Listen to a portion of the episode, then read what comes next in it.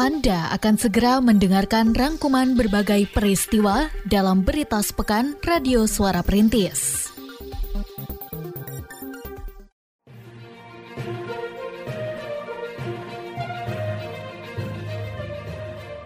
Berita sepekan Radio Suara Perintis FM Kota Sukabumi.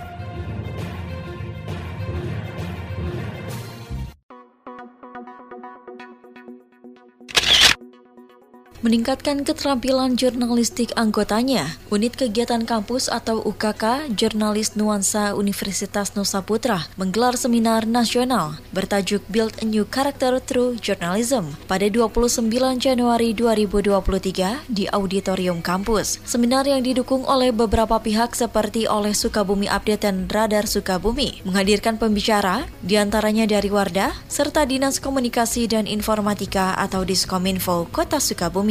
Pembina Jurnalis Nuansa, CSAT di Lesmana.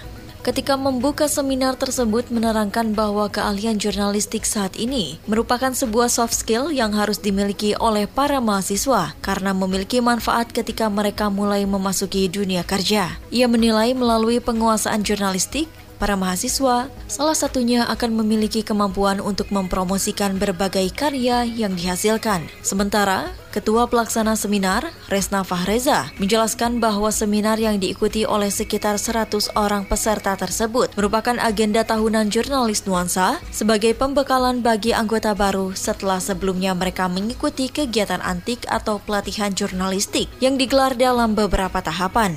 Ia mengharapkan melalui seminar ini akan muncul generasi baru di bidang jurnalistik yang memiliki kecakapan dan keterampilan baik. Selain itu, diharapkan pula keberadaan jurnalistik nuansa mampu dirasakan manfaatnya secara luas oleh masyarakat.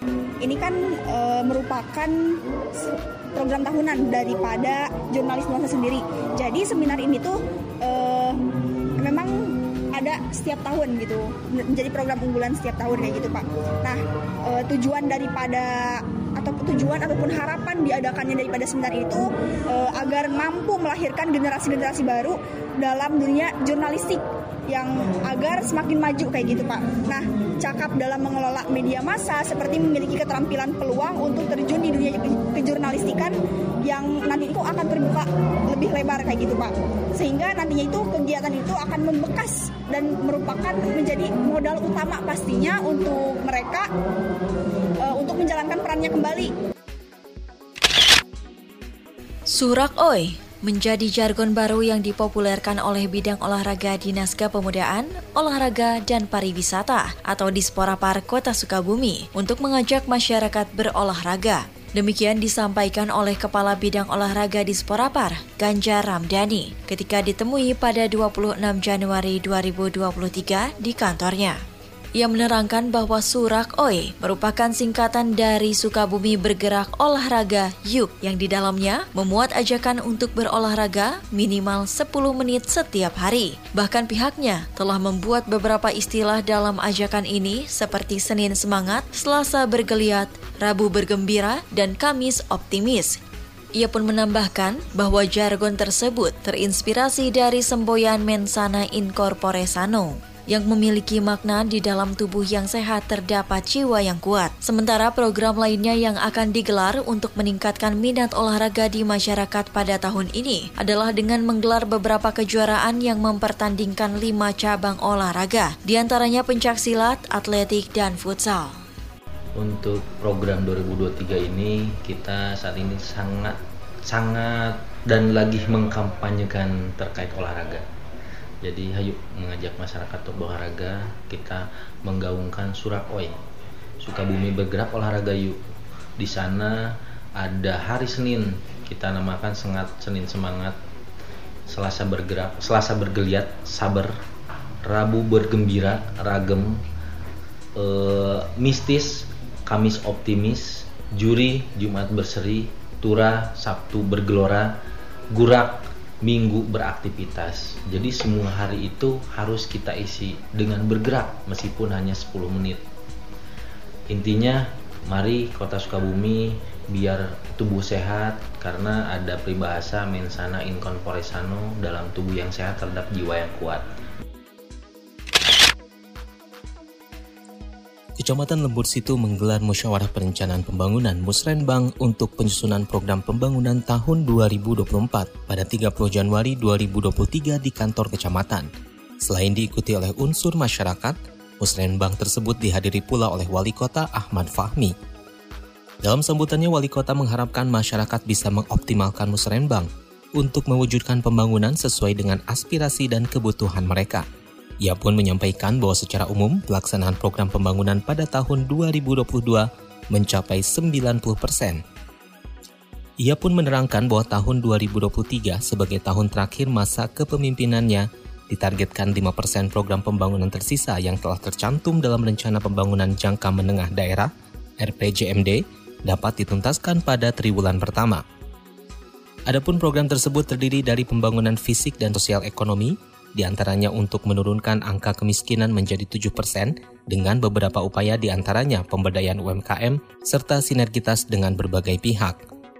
Sedangkan PLT Camat Lembur Situ Budi Purwanto menjelaskan bahwa Musrenbang kali ini menghasilkan 50 program pembangunan fisik dan pemberdayaan masyarakat yang berasal dari lima kelurahan yang akan diusulkan ke Musrenbang tingkat kota. Dari sejumlah usulan tersebut, program yang menjadi prioritas salah satunya adalah penuntasan kawasan kumuh.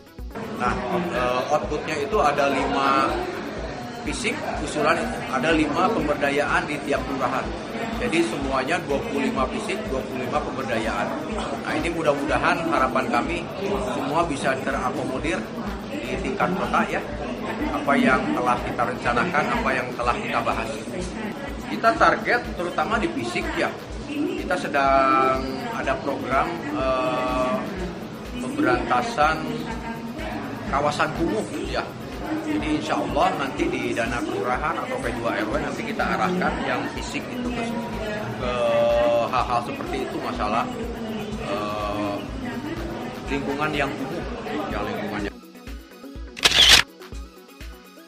Badan Penanggulangan Bencana Daerah BPBD Kota Sukabumi menyelenggarakan seminar yang mengangkat tema penguatan pentahelix dalam menghadapi ancaman sesar Cimandiri. Seminar yang diadakan di Hotel Balkoni pada tanggal 31 Januari 2023 diikuti oleh pemangku kepentingan di antaranya adalah akademisi, media, dan pengusaha. Kepala Seksi Pencegahan dan Kesiapsiagaan Bencana BPBD Kota Sukabumi, Zulkarnain Barhami, mengatakan bahwa seminar ini dimaksudkan pula untuk memberikan edukasi mengenai mitigasi bencana, sehingga proses penanganan ketika terjadi bencana bisa dilakukan dengan cepat. Terkait ancaman sesar Cimandiri, BPBD melakukan dua upaya dalam mengedukasi masyarakat, yakni dengan mitigasi kultural untuk meningkatkan kesadaran masyarakat agar waspada terhadap resiko bencana. Kemudian, mitigasi struktural yang memberikan edukasi mengenai pembangunan infrastruktur yang memiliki ketahanan terhadap gempa. Dalam seminar yang menghadirkan beberapa narasumber, di antaranya dari Pusat Stasiun Geofisika Bandung, dan Pusat Vulkanologi dan Mitigasi Bencana Geologi. Dilaksanakan pula penandatanganan komitmen berbagai unsur stakeholder terkait penanggulangan bencana. Dalam melakukan upaya pencegahan dan mitigasi terhadap bahaya sesar mandiri, ada dua pokok yang kita lakukan. Pertama adalah mitigasi kultural dan yang kedua adalah mitigasi struktural mitigasi kultural kita sasar itu adalah bagaimana kita meningkatkan sadar masyarakat waspada terhadap risiko bencana sebelum terjadi. Dan yang kedua mitigasi kultural kita sasar itu adalah bagaimana membangun eh, bangunan-bangunan yang tahan ataupun kuat terhadap gempa, terutama untuk gempa akibat dari sesar tsunami.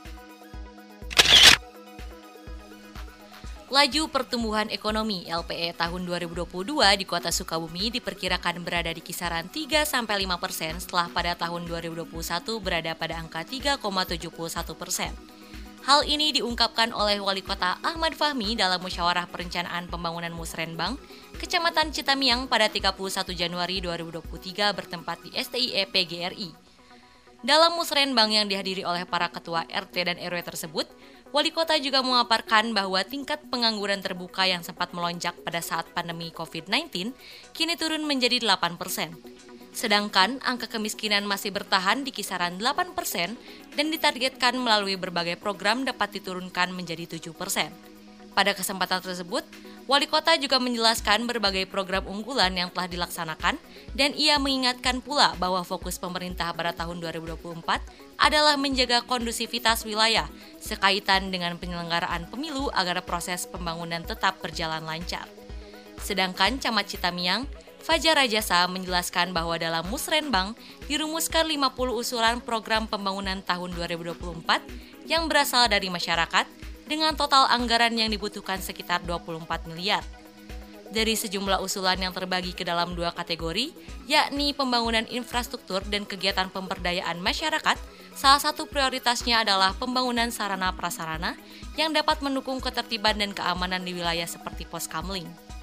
Fisiknya itu ada 25, hmm. kemudian fisiknya juga ada 25 dengan total nilai keseluruhan 24 miliar ya, hmm. 24 miliar sekian kita bawa ke musrenbang tingkat kota. Termasuk dari dana kelurahan juga kita usulkan sebesar 1,6 miliar terdiri dari 23 usulan. Itu untuk fisik sendiri lebih banyak dominan ke mana Pak?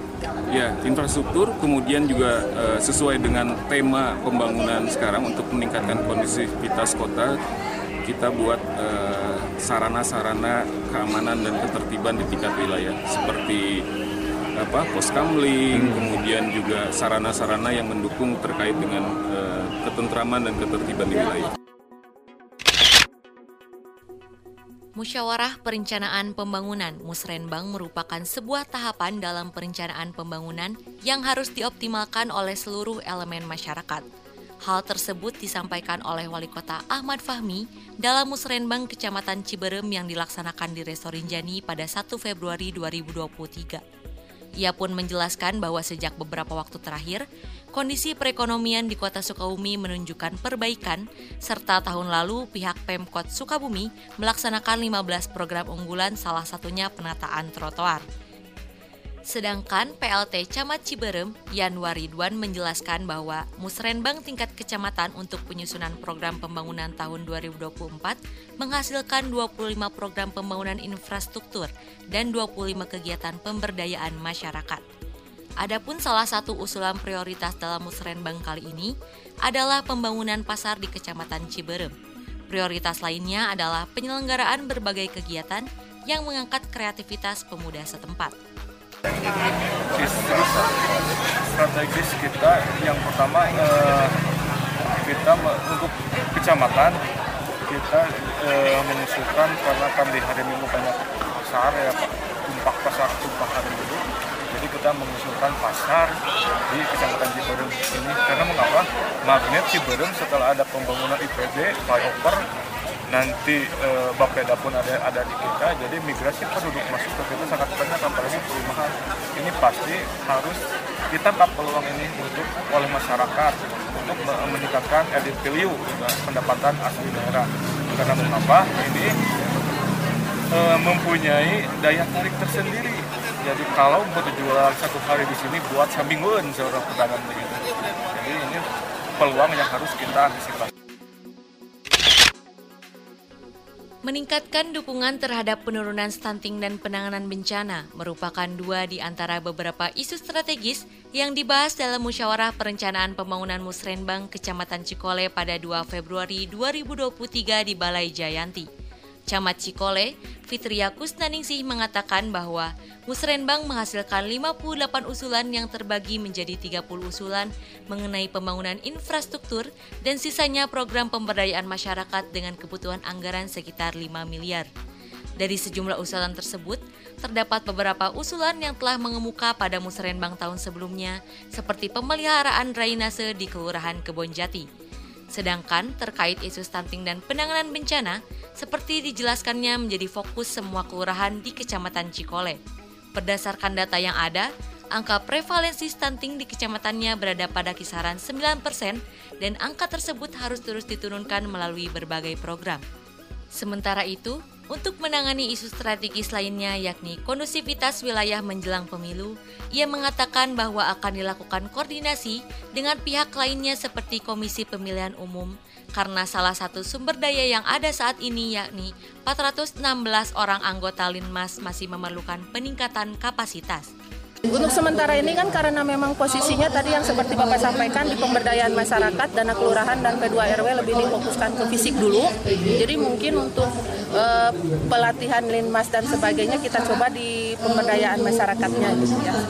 Dan insya Allah nanti kita kerjasama dengan KPU mungkin untuk linmasnya gitu ya karena memang total linmas 416 itu masih kurang nih.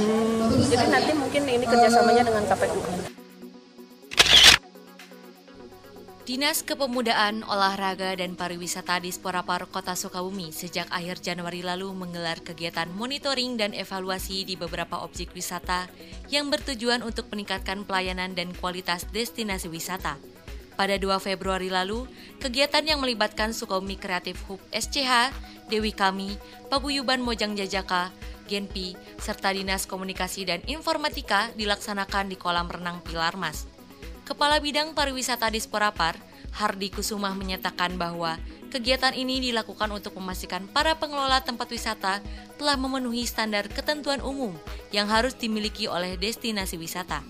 Dari hasil pemantauan di lokasi tersebut, ia menyebutkan bahwa pengelola kolam renang Pilar Mas secara umum telah melengkapi sarana prasarana yang dibutuhkan, tinggal melakukan berbagai peningkatan seperti penataan.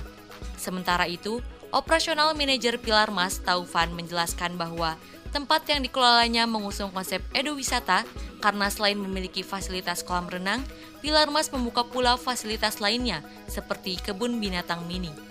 Ia mengharapkan sinergitas antara pemerintah dan pengelola wisata yang telah terjalin dapat terus berjalan sehingga memunculkan berbagai dampak positif seperti meningkatnya sektor ekonomi kreatif.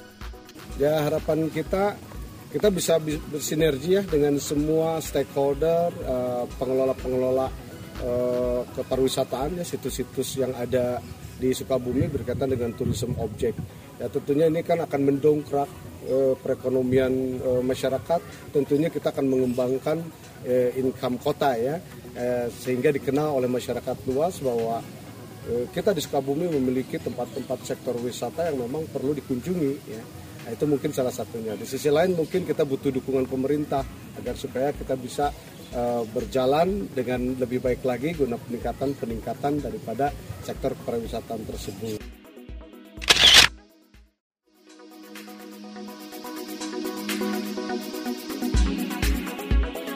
Demikian berita sepekan Radio Suara Perintis edisi kali ini. Dengarkan program berita kami, berita seputar kota, yang disiarkan dari Senin malam hingga Minggu pagi pukul 18.30 dan 06.30 waktu Indonesia Barat.